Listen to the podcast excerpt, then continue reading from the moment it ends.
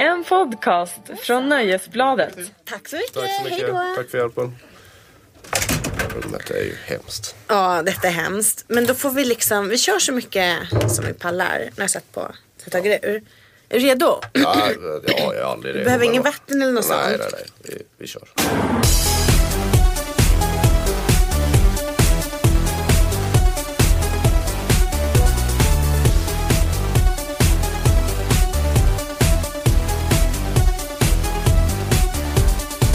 Hallå och välkomna till Nöjesbladets podcast Larsson och Lundell, det andra avsnittet. Eh, Marcus Larsson, vill du vara en raring och berätta vilka det är som sponsrar vår podd? ja, ja, det kan jag verkligen vara. Ja. Det är alltså äh, musiktjänsten Wimp Music och deras, äh, vad, vad kan man säga, okomprimerade musiktjänst äh, Hi-Fi.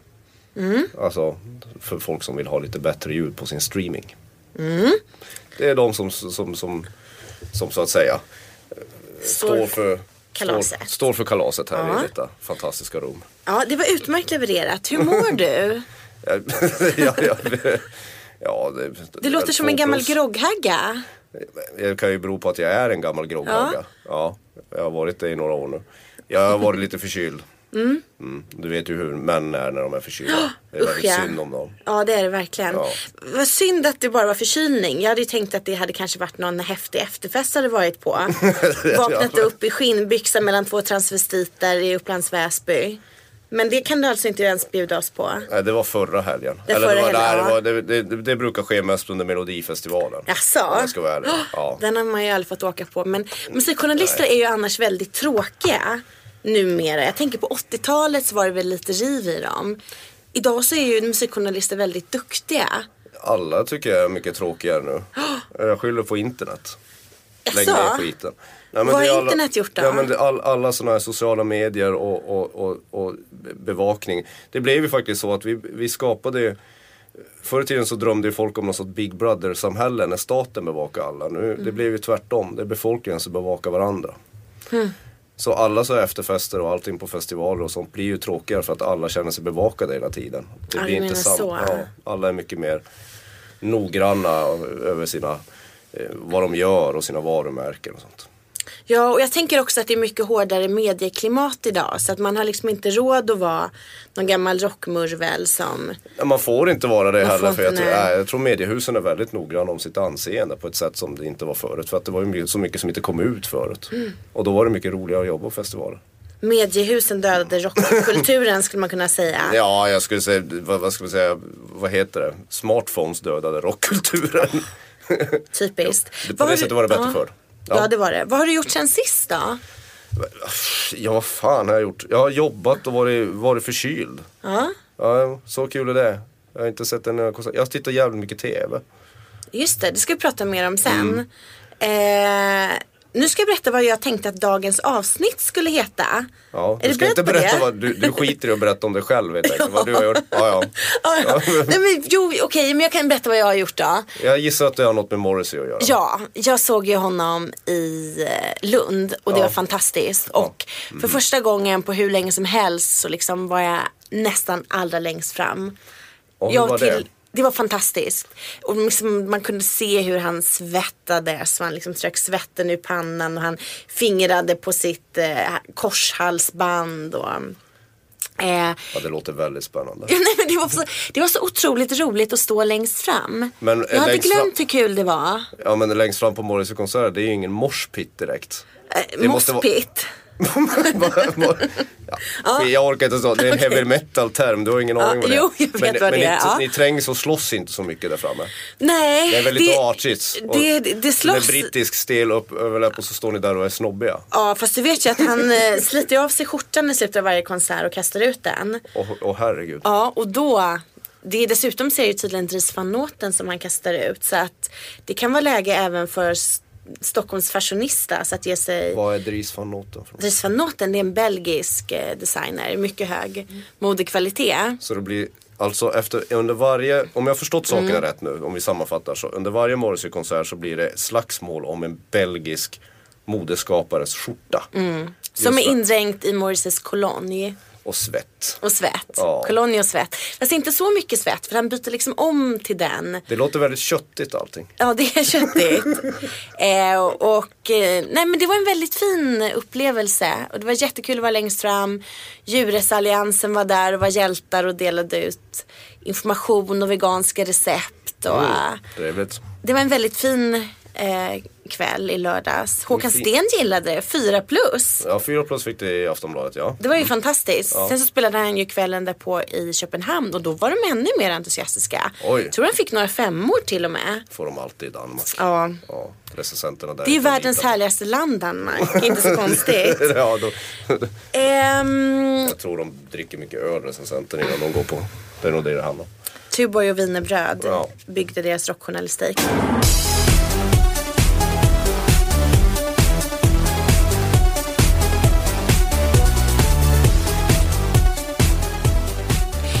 Ska jag berätta vad jag tänkte att dagens avsnitt skulle heta då. Kör. Eh, Marcus är från Merkurius och Kristin är från Mars. Vad tänker du om det? Det, det var väldigt underligt. Så här, Ja, jag ska förklara för dig. Jag har nämligen gjort lite undersökande journalistik och kommit fram till att du är jungfru. Det stämmer. Ska du börja med det här astrologtjafset nu?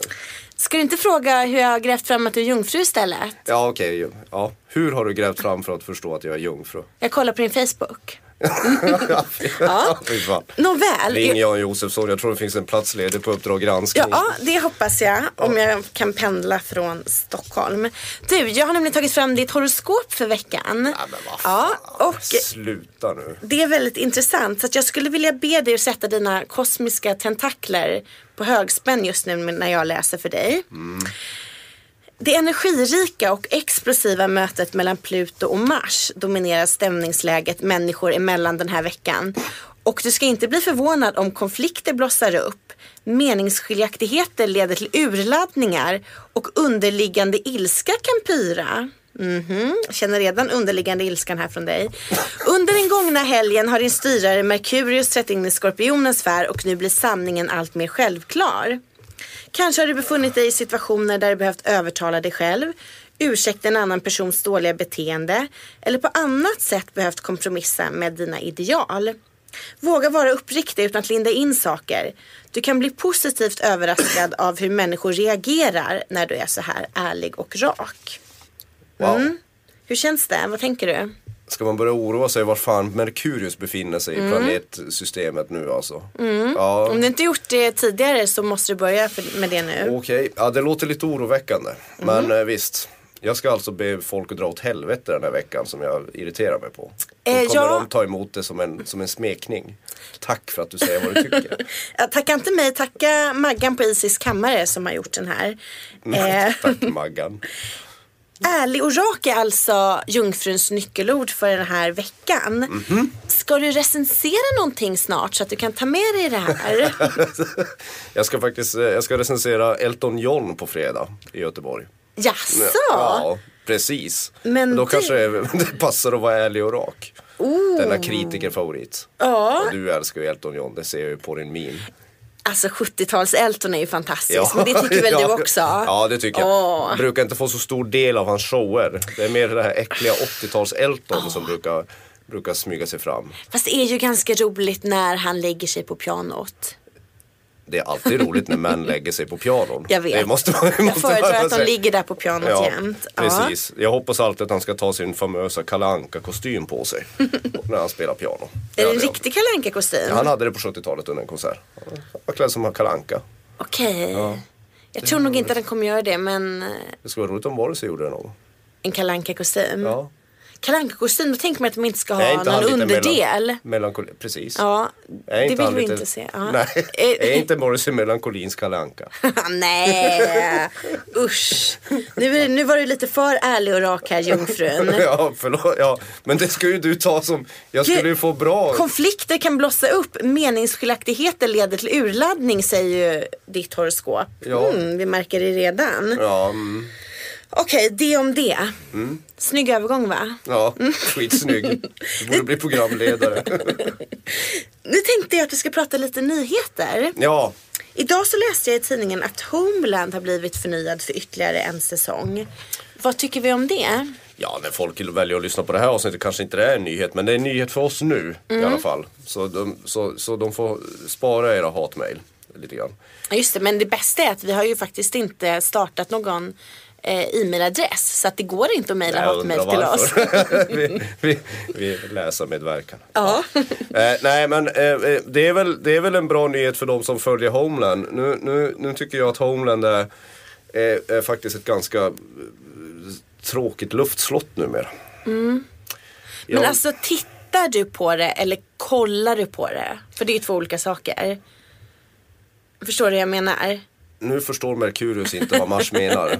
Jo men så här. Jag tittar rent fysiskt på Homeland och jag tittar också på det nu på SVT för att det är lite trevligt att ha en serie att följa. Mm. Ja, liksom en speciell tid. Men jag är inte säker på att jag registrerar det som händer. Att jag har liksom struntat.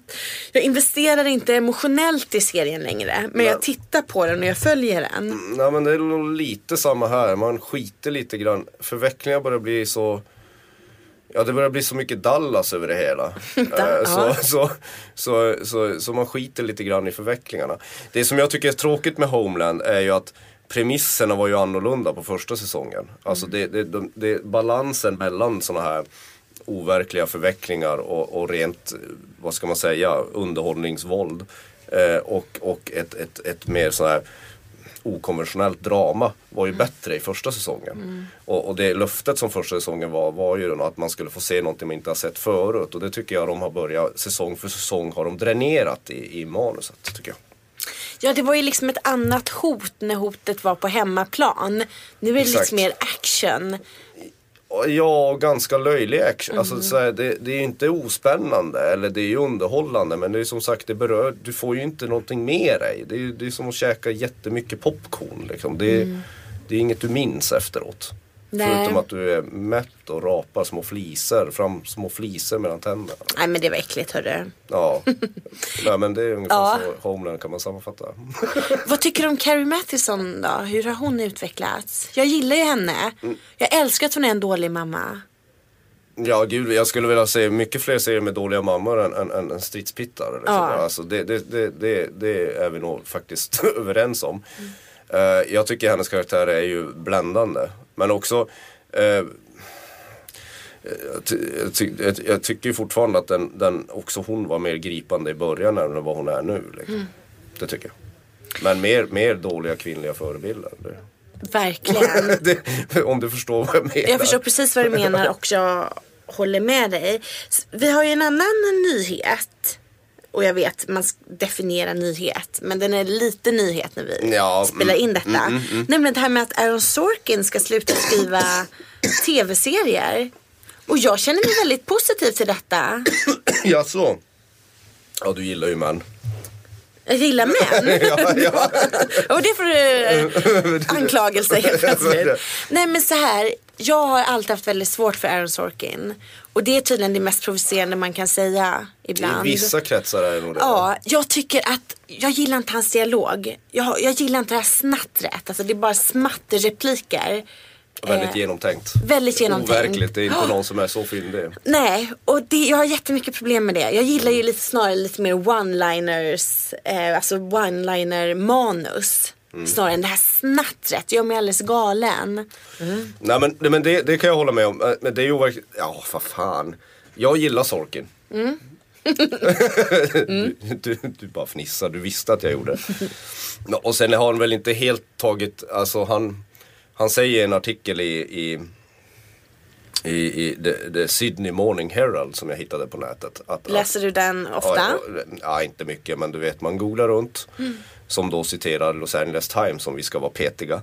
Och det är ju att han, han, han, han har inte lagt tv-karriären helt på hyllan men han ser inte några framtida projekt.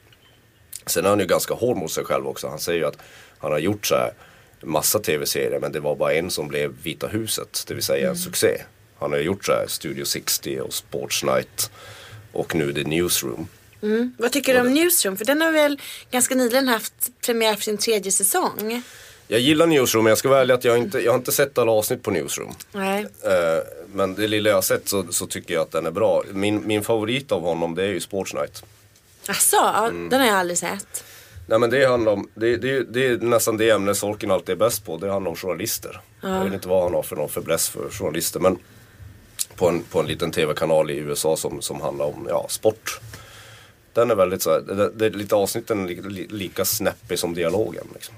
Men alltså, tycker du att han porträtterar journalister på ett trovärdigt sätt? För att jag hade ju väldigt problem med House of Cards. Mm. Eh, jag vet att alla älskar House of Cards.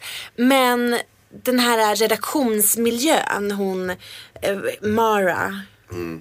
Är det Katie Mara eller Kate Mara? Vi säger Kate Mara. Eh, och så, Skitsamma, en Mara är det. en. Mara är det. Mm. Eh, eventuella rättelser kan skickas till Markus Larssons Ja, mail.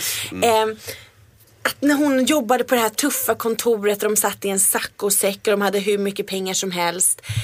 Är det, det så ser inte mediebranschen ut idag. Nej, då har de inte varit på en svensk tidningsreaktion i alla fall. Jag vet inte hur det är i USA. Nej, men alltså, det, en det, hemsida med så mycket pengar och sitta i en saccosäck.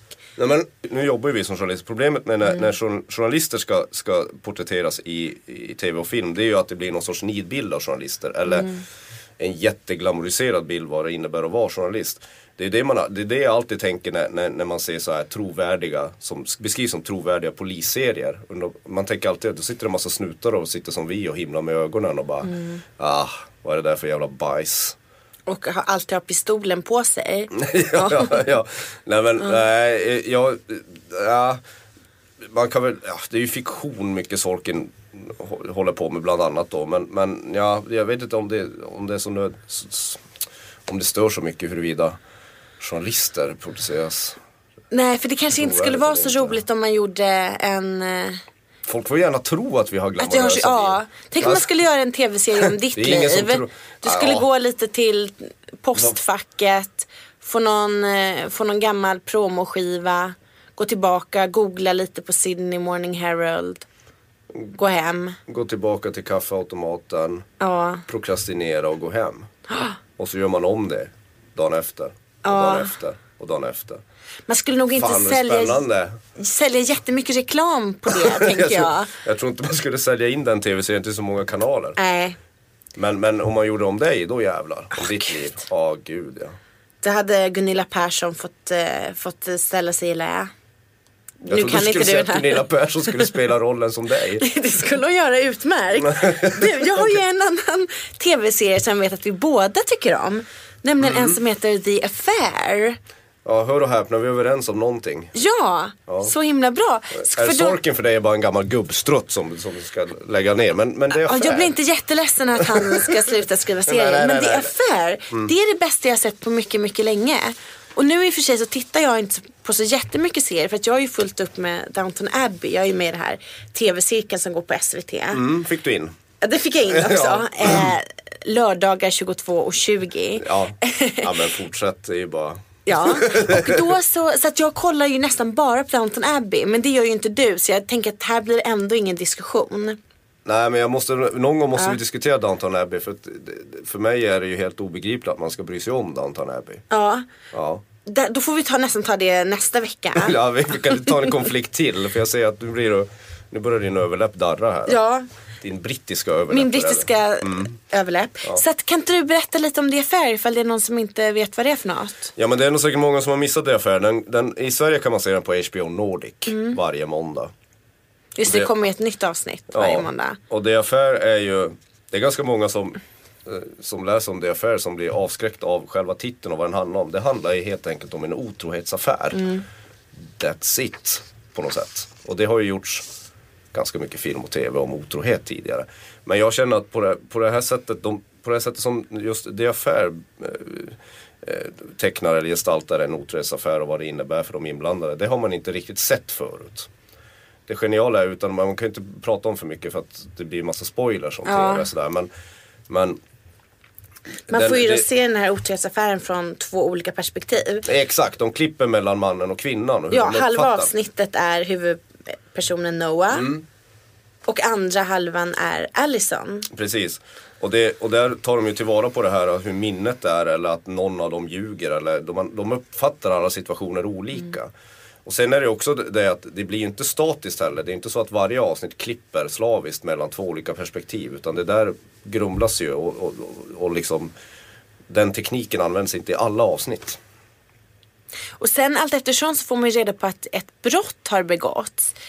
Ja, ganska tidigt. Det får man ganska tidigt. Ja. Men det, man vet inte vem som har utsatts för brottet. Så kan man ju säga förrän efter ett tag. Nej. Utan men man förstår för det är en förhörssituation och det är då de berä, återberättar då ja, men Det är ju så spänningsmomentet i det. Mm. Men sen var, varför jag tittar på serien det är ju för att är, den är ju den är, den är oerhört realistisk. Mm. Det är ju folk från, eh, kommer du ihåg den gamla tv-serien, gamla och gamla, mm. tv-serien In Treatment. Mm. psykologen som Gabriel Byrne spelar. Ja det är väl samma skapare? Ja det är precis ja. samma skapare. Det, det, är han, nu ska jag uttala det här rätt. Uh, Hagai, Hagai Levi som gjorde förlagan till In Treatment, Just den israeliska förlagan. Är med och skapade, eh, är med i kulisserna bakom The Affair då. Och sen så är det även Sara, Sara Treem eller Sara Trem, jag vet inte hur man mm. uttalar hennes namn heller, jag ber om ursäkt för det. Men hon var manusfattare på In Treatment. Hon var okay. den enda manusförfattaren under In Treatments alla tre säsonger. Hon fick ta, eftersom hon var den yngsta manusförfattaren fick hon ta hand om de yngsta karaktärerna också. Mm. Men det är de två som ligger bakom det affär. Och sen är det en massa skådisar och, och, och, producenter och så, som, som det jobbat med en av mina favoritserier som heter The Wire. Just det, och vem spelar huvudpersonen då i det affär? Det är McNulty. Yes. Dominic West. Det roliga är ju att han är britt. Vet du om ja, det? Ja, det visste jag. Han är men, från Sheffield. Precis, och han, han är väldigt bra på amerikansk dialekt kan man väl säga. Han är väldigt bra. Han spelade ju The Hour, såg du den serien som gick på BBC? Älskade The Hour. Oh, där var han ju också med. Det, det var en ganska realistisk skildring av hur journalister jobbar framförallt. Mm. Eller hur de tänker i alla fall. Undersökande journalister. Den borde folk, fler borde ha sett The Hour. Ja. Den är toppen. Den gick väl på SVT om jag inte minns fel. Absolut. Däremot så blev det väl inte mer än två säsonger? Mm, två säsonger blev det bara. Uh, men det är affär i alla fall. Den, uh, det, det, som är, det som är så uh, brutalt med serien, om man får säga så. Mm. Det, det är ju att det är, det är ju inte det är två ganska hyggliga personer som startar en affär med varandra. Som egentligen inte har så mycket att klaga på. Jag menar, de kommer från ganska välmående relationer. Alltså det är ju inga passionslösa relationer som, som skickar in dem i dem. Eller, eller att någon av dem är en jävla skitstövel. Utan det, det är ju det som är så, det känns väldigt realistiskt skildrat varför folk ja, är otrogna. Mm. Och eh, hemskt. Ja. Det går inte att skydda sig mot det. Nej, alltså man undrar man, det är lite svårt att välja sida. Det är nog meningen. Ja, jag måste nog ändå välja hennes sida. Vems sida väljer du? Kan jag få skita i att välja någon sida? Varför väljer du hennes sida? Men jag tänker ändå att det är mest synd om henne för att hon har ju förlorat ett barn. Och okay. han har ju ändå sin familj, han har fyra barn, eh, en fru. Så jag tänker att hon ändå har en sorg som gör henne ömtålig. Ja det kan du ha rätt i. Så du menar att hennes ursäkt för, för att hoppa mellan lakanen med någon annan är mer rimlig? Ja, om man nu ska välja så. Det är ju väldigt mycket sex annars. Ja. Ehm, och jag som då har kollat på Downton Abbey väldigt är, intensivt. Ja. Är det mycket sex i Downton Det är ju inte det. Så jag blir nästan lite chockad. Jag kommer ihåg, kommer ihåg att man brukade säga så här förut. It's not porn, it's HBO. Ja, ja. det kommer jag ihåg. Och så Vilket känner jag ju stämmer rätt mycket Ja, med HBO. och det blir liksom extra tydligt när man har sett just Downton Abbey mm. i fem säsonger och sen så plötsligt får man liksom se mer än, än en liten axel. Ja, man får se rätt mycket hud. Ja. ja. Fast man är ju så van vid det nu, är man inte det? Ah, jo, men jag kom ju lite ur, för det är samma sak med Mad Men. Det handlar ju mycket om otrohet och sånt där, men man ser ju ändå ganska lite naket mm. i Mad Men. Förstör nakenheten upplevelsen för dig? Lite. ja. Folk är ju nakna när de har sex. Ja, en eller, del ja, kanske. Ja, ja. Eller ofta. Man kan ju säkert ha på sig en massa attiraljer för att göra det Gud vad du är tråkig. du skulle få mig att låta tråkig, men vem som är tråkig? Det är du. Varför är jag tråkig? Avklätt och sådär. Ja, men vad fan. Det finns ju en grej i det affär också som de, de medvetet har stoppat in. De har ju medvetet kastat vissa personer för att eh, göra det ännu mer obegripligare varför de är otrogna. Alltså, Och, vadå? och framförallt då i Dominic West, den manliga rollen här, så har de castat Maura Tierney från Cityakuten. Hon spelar Abby i Cityakuten. Ja, det är där jag känner igen henne ifrån. Exakt. Och hon, är så sympatisk. Exakt. Eh, Alla tycker hon, hon har ju alltid varit så här, spelat sympatiska roller. Ja. Och hon är superhärlig i den här serien också. Så det, det, det är tydligen medvetet enligt hon som skriver manus. Det är medvetet gjort att de har kastat henne för att man ska undra varför Dominic West, den lilla luspudeln, hur fan, hur, hur fan kan du göra det här? Eller hur? Så de är ju rätt diaboliska i sin... För det är ju faktiskt en grej med Morateni bland, bland heterosexuella män i alla fall. Att hon är ju någon sorts där, drömkvinna har jag förstått när jag pratar runt i min bekantskapskrets. Okej, så Henne det ska man- inte ens vara så att mannen ska kunna förstå varför, hur någon kan vara otrogen mot en Nej sån. precis, för att det är så här, min, min storebror började kolla på henne och han, han har alltid så idoliserat Abby i Cityakuten som Morateni spelar. Och Han, han ringde upp mig och var så här Men hur fan kan han vara otrogen mot henne? Det är ju helt jävla orealistiskt. Och så sitter jag och är tråkig på andra sidan. Ja men det kanske handlar om andra saker. Ja. Fast det är faktiskt en, en, en det, det tänkte de på när de castade den. Att det, nu ska de göra det väldigt knepigt för tittarna. För det har ju kommit ut fem avsnitt. Och jag tycker bara att det blir mer och mer spännande. Ja, jag håller med dig. Eh, Och det är ju först nu som man börjar förstå, eller som man har fått reda på, vem som det här brottet har begåtts Mm. mot. Men man vet ju fortfarande inte riktigt vad som har begåtts. Nej och sen ska den ju pågå, det kommer ju en säsong till så man vet ju absolut inte hur den utvecklar sig eller vilket perspektivsperspektiv de kommer ha liksom. För nu hoppar det, det är lite som True Detective, de hoppar Ja. mellan en förhörs att de sitter i förhör det här paret med en poliskonstapel och sen får man följa vad som hände när deras affär vecklade ut sig på något sätt. Så jag tycker väldigt mycket om den i alla fall. Ja, Folk borde titta på den lika mycket som de tittar på Så mycket bättre. ja det tycker jag också. Mm. Men som sagt, ämnet är ju otrohet och vi kanske borde prata om lite privata upplevelser här. Men alltså Marcus, jag förstår ju inte hur folk har tid att vara otrogna. För jag, jag hinner ju inte ens gå till återvinningsstationen. hur skulle jag ha tid med en affär? Så att nu kräver jag faktiskt att det är du som har Ska en hel uppsjö av otrohetshistorier. Ska, ska jag stå för den jävla smutsen? Ja, för att annars verkar vi tristas i världen. Ska, Ja, så nu- varför, varför är man otrogen Kristin?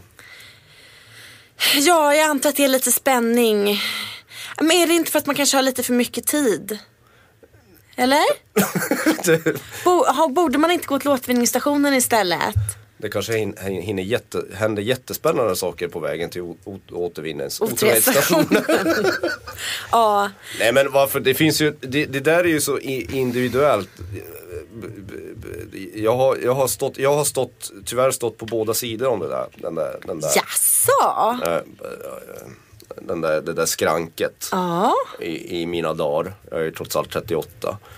Och varför är man det? Det, det, det är be, bekräftelse och, och leda och för att man kan. Och tror jag är en, en, en, en vanlig en vanlig anledning. Jag, jag, jag läste en psykolog en gång så, som sa att folk är väldigt eh, när- när de pratar om sina otroheter så är de väldigt osanningsenliga för det handlar väldigt mycket om att man tänder på någon.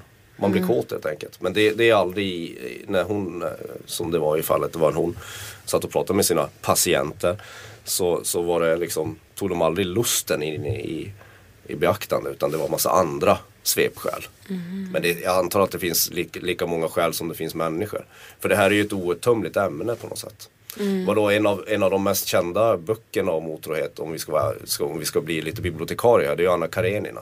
Åh. Som får betala ett ganska högt pris kan man väl säga för sin otrohet. Och där Tolstoj, han var ju lite gud när han skrev. Han var ju väldigt patriarkal eh, på det sättet att han, han var väldigt så här gudaaktig när han skrev sina böcker.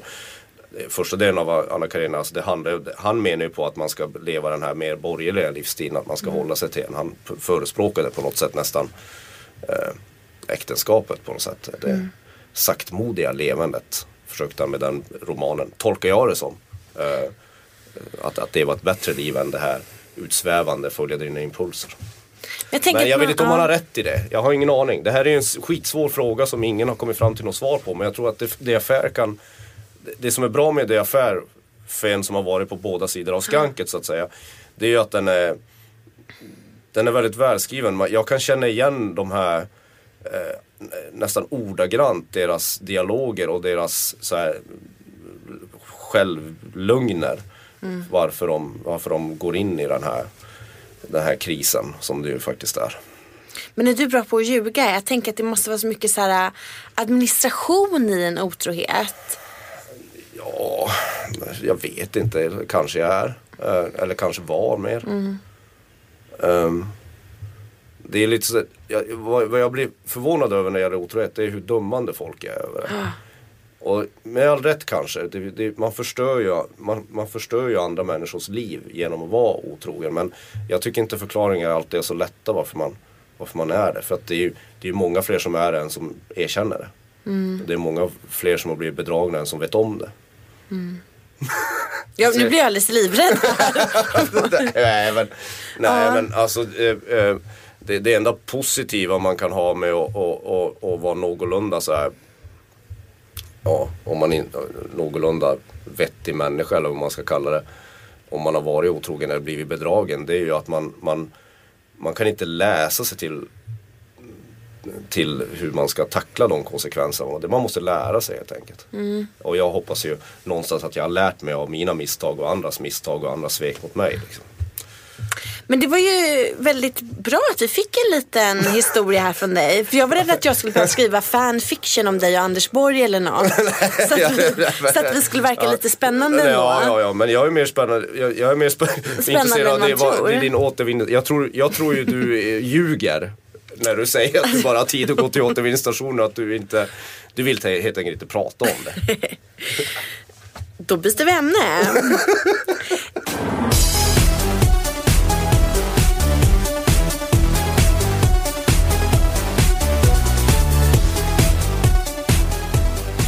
Du Marcus, vi är ju ändå ganska nya kollegor. Ja. Vi har ju förvisso suttit bredvid varandra i, på konserter i 14 års tid. Så jag tänker att vi är lite som brother in arms. Jaså, Dire Straits-låten? Att vi är lite som Dire Straits-låten. Det är lite som lumparkompisar, eller vadå? ja, Ja. det är ju det. Vi har ju gått igenom tusen The Rasmus-konserter ihop. Ja. Vi har sett Rammstein spruta fluff genom en enorm plastpenis ihop. Mm, mycket roligt var det. Vi har sett kvinnor kasta sina stödtrosor på Tom Jones Oh, ihop. Ja. ja. Vi har varit med. Och en gång på Eros Ramazzotti så tycker jag mig minnas att du sa till mig att Kristin, du har en kropp som Venus men en hjärna som Platon. Det här kan vara så att jag hittar på för att musiken var väldigt hög. Vad, vad sa jag? Okej, vi, vi har inte tid med någon reaktion från dig här nu. Men jag tänkte att det var dags för oss att lära känna varandra Man lite ska bättre. inte dricka när man jobbar. Jag kanske blev hög på Eros Ramazzotti. Är det ett brott? Ja men då är jag skyldig. Men Jag skulle säga att det är livstidsfängelse på det men det är bara jag.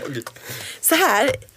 Ja, Det handlar egentligen om att jag ska få lära känna dig lite bättre. Ja, okej, och istället för att vi åker då på teambuilding och håller på att putta på varandra. Mm. Så tänker jag att jag skulle ställa några frågor så att lyssnarna också kan få lära dig lite bättre. Eller lära känna dig lite bättre. Jag börjar bli väldigt rädd nu. Ja, jag ska blanda fördomar om dig med frågor till dig. Kul va? Mhm. Ja. Så här, många kanske uppfattar dig som en kärv och butter norrlänning. Men Mm. är du från Norrland?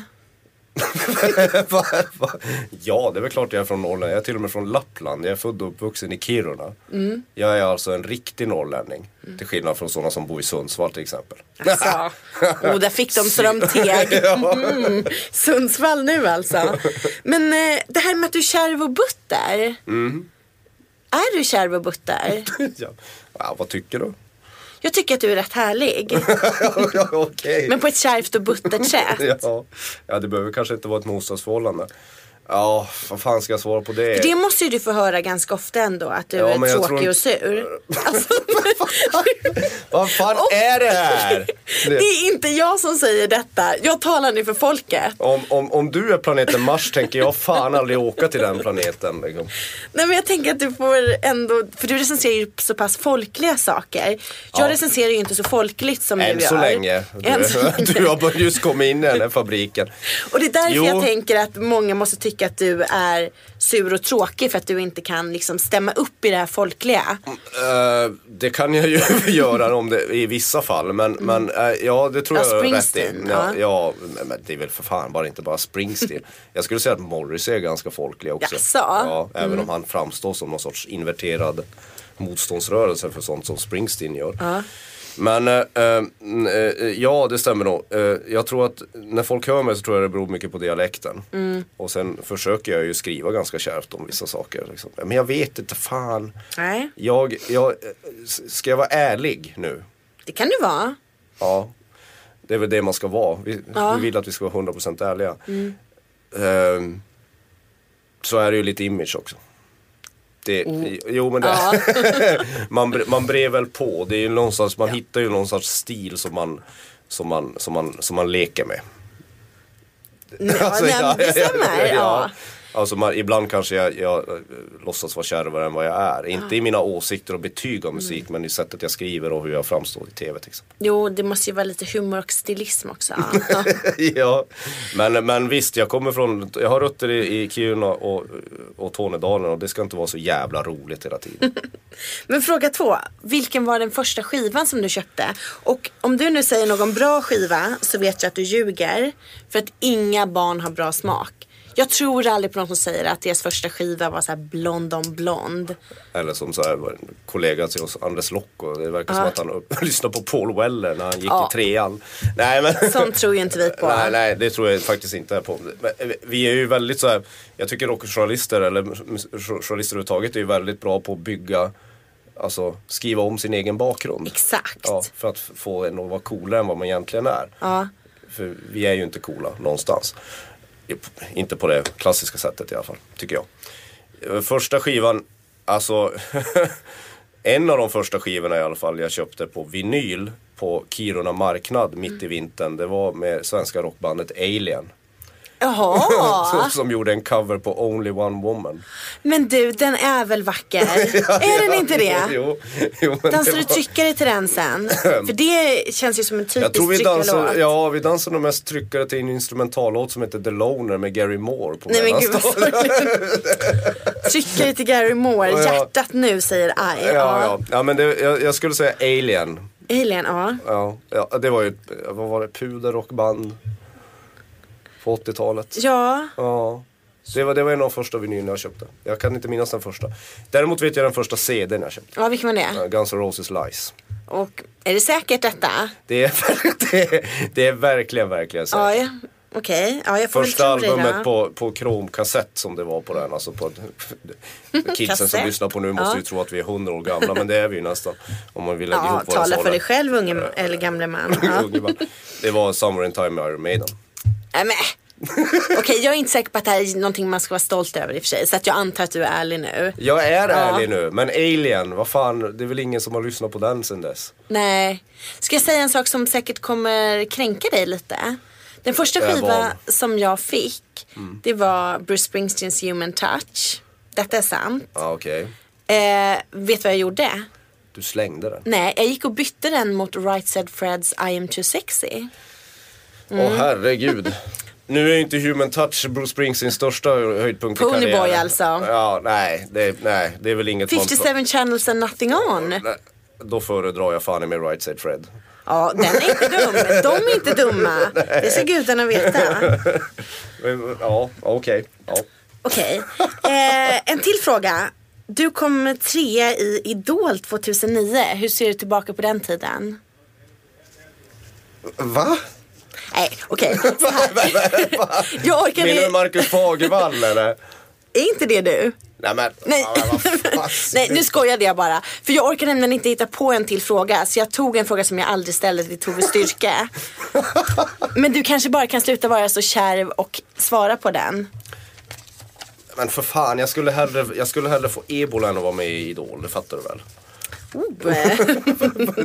Det var hårda ord. Okej, jag, jag godkänner pass på den frågan. Men du, vet du vem som fyller år den här veckan? Nej. Faktiskt min stora, stora idol Henrik Berggren. Han fyllde Han 40 igår. Han fyller 40. Sveriges bästa band Broder Daniel. Det tycker du fortfarande ja. Fortfarande. Och jag kommer aldrig ändra mig. Broder Daniel är Sveriges bästa band någonsin.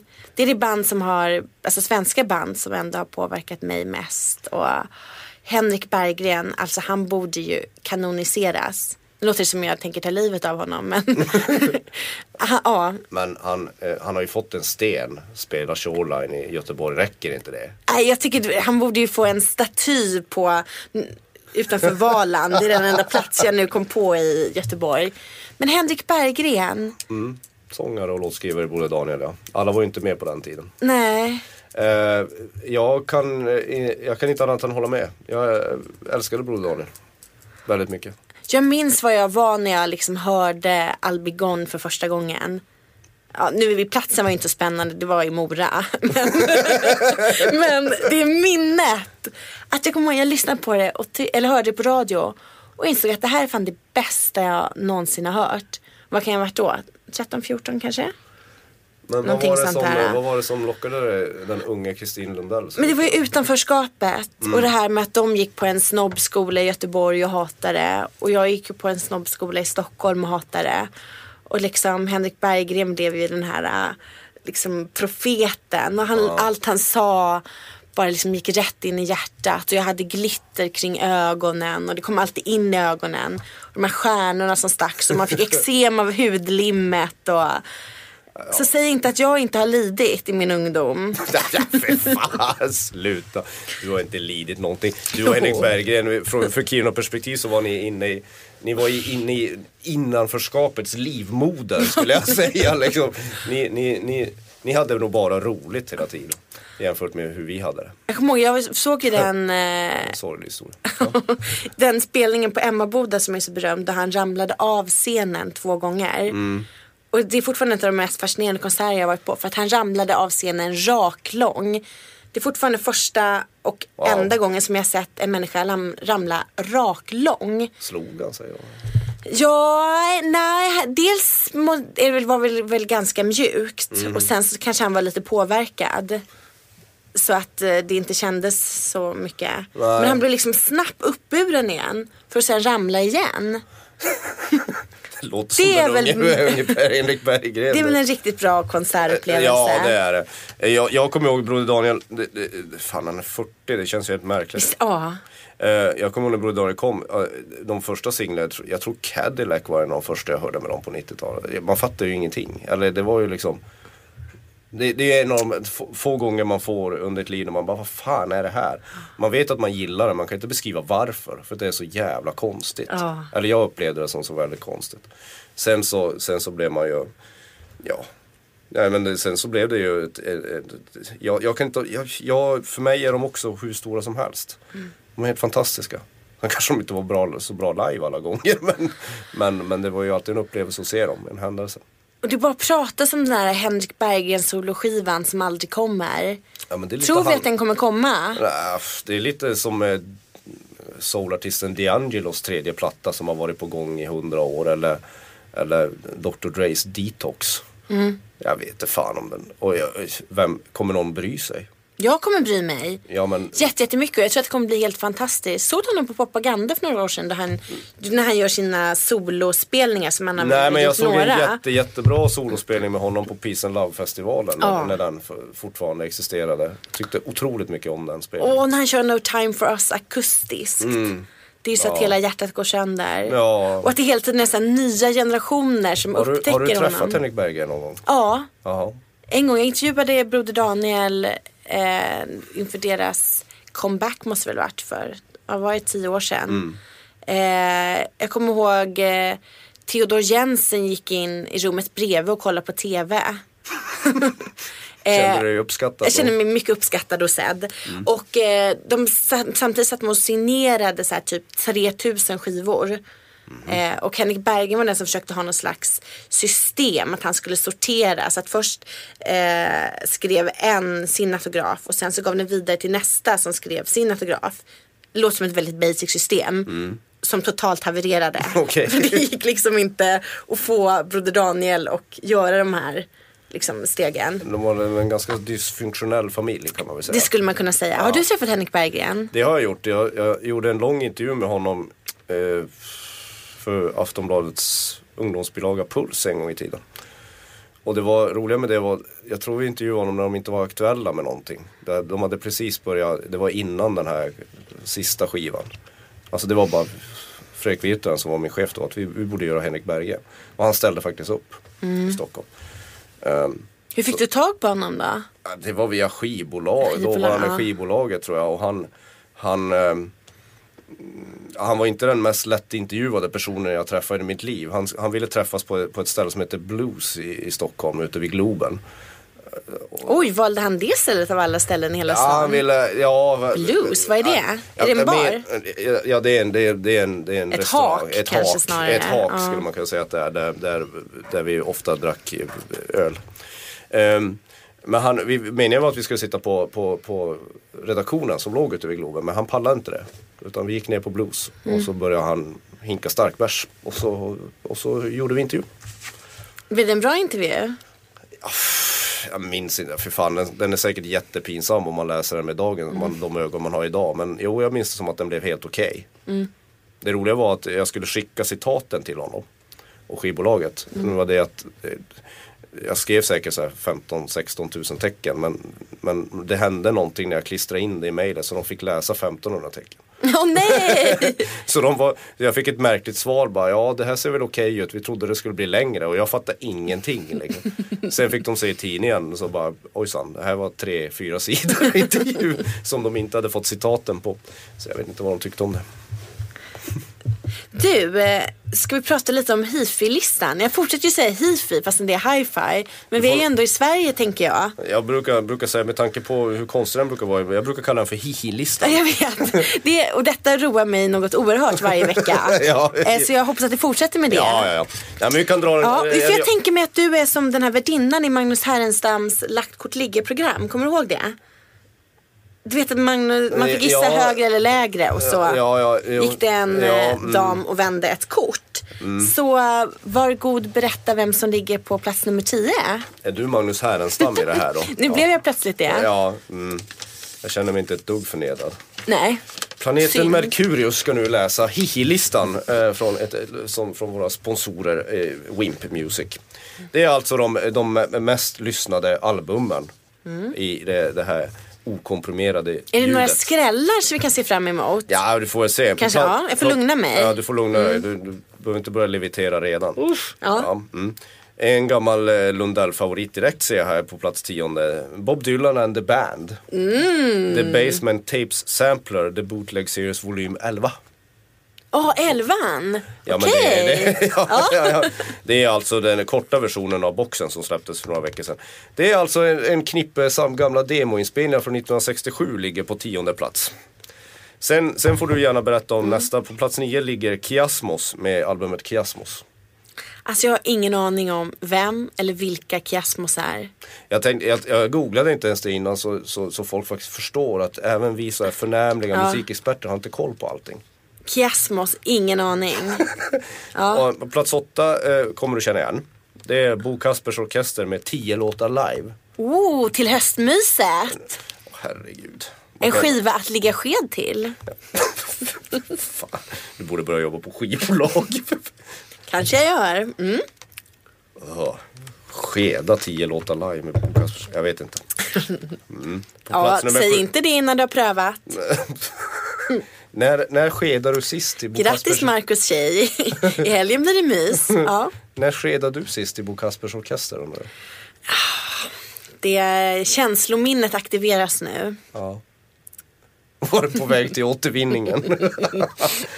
Jag låg i plastlådan. ja, med någon. Ja. på plats sju, Neil Young med Storytone. Mm. Om Neil Young kan jag bara säga att det var väldigt länge sedan jag brydde mig om att lyssna på en hel Neil Young skiva. Och det här, det här fattar jag inte heller. Nej.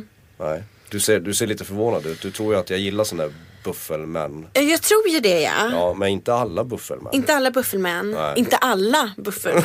ja. Nej, nej. Det är som en tagline. Ja. Nej, eh, Harvest Moon var bra, den kom 92. Eh, eh, nummer sex är Annie Lennox med Nostalgia. Alltså så otippat, eller? Ja. Man kan säga att det är inte ungdomens karneval på den här listan den här gången. På plats nummer fem kommer Leonard Cohen med Popular Problems. Men Leonard, det gillar vi väl bägge två? Just det. Det borde ju tilltala dig. Mycket. Ja, mycket, mycket, mycket. Ja. poprock. Med, med, med känslorna innanför kavajvästen. Mm. Eh, på fjärde plats Eric Clapton. Eh, Eric Han Clapton är ligger alltid på hifi-listan. Ja men det är ju det är Det något- han är hifi. Ja men det är så jättebra att ställa in reglagen till Eric Clapton. Ja. Man ska få fram det krispiga Varför har vi inte fått någon Gary Moore än? Jag vet inte. Ja, Nu måste jag gå hem Lägg- och lyssna på Gary Moore på hifi-listan så att han kommer etta nästa vecka. det är fult att ljuga Kristin. På tredje plats kommer en, ännu en pigg jävel. Mm. Eh, Sven-Bertil Taube med Hommage. Nämen! Ja, vad trevligt. En gentleman. Den, Men den har ju väl fått fin kritik har jag för Ja, mig. Den, den, knyter, en fin Åh, kravatt ingen kan... på hörselgångarna. Ja, ingen... Det var snyggt sagt hörru. Nu måste jag hålla tyst för det där var så bra sagt. Nummer två. Nummer två, Sofie Selmani med Everywhere. Oh, var inte det förra veckans etta? Ja, och vem har petat ner Sofie Selmani? Oh, så svårt. Jill Johnsons med Songs for Daddy. Songs for daddy. Är det Jill som sjunger för pappa? Ja, det är väl typ det. Men du, det är för att det har varit fars dag. Ja, just ja. Jill, inte Men det där lite fusk? Är, är folk så banala så de går in och lyssnar på Songs for Daddy när det är fars dag? När är mors dag? Kommer Jill ge ut Songs for mommy? Du, det, det kan man nästan du, hoppas. Kanske, du kanske har fött någon idé där. Så. Skapat ett monster. Ja, precis. Ja, det var det. Men du, vi lovade ju att minst en av oss skulle springa gråtande ur studion per avsnitt. Mhm. Hur tycker du att det går hittills? Ja, det, ja alltså, det, det är ju inte så att, jag, att, att vi får, får prata så mycket kränk, kränkande om dig så jag ligger väl närmast dig till. Liksom. Det, det, det, är Ja. väl jag som springer gråtande först. Jag har ju gjort några mentala kalsongryck på dig. Eller Ja. astrologiska kalsongryck kanske vi ska Ja. säga. Ehm, Det verkar i pungen. eh, det var väldigt vackert sagt och med det tycker jag att vi säger hej då. Har du någonsin avslutat ett samtal med Keep on rocking in the free world någon gång? Nej, men vi kan tacka vår ansvariga utgivare för det här. Det måste vi alltid nämna. Ja just det, jag tänkte att det var din eh, som värdinna. Programmets värdinna. Vem är det som är ansvarig utgivare, utgivare för Vi denna skuta? glöm, vi får inte glömma bort det bara. Det är ju Aftonbladets publisher Jan Helin. Nu, kan du, nu kan du fortsätta. Mm. Den Vad store ledaren. Den store ledaren. Jo, hur, alltså, hur avslutar man en rockpodcast? Är det med Keep on rocking in the free world? Alltså som man säger, inte att man spelar den. Eller säger man rocka på? Hur säger du när du säger hej då till folk på stan? Då säger du väl rocka på? Eller säger du rocka sagt- lugnt? Jag har inte sagt rocka på sen Ronny och Ragge var populära på TV. Let's pök, ja säger du. ja, precis. Let's perk säger jag. Är det din avslutningsfras när du träffar folk på stan? Let's pök. Det, vi, kan, vi kan låtsas att det är det. Då säger vi Om det så. glädjer dig. Hej då, let's pök.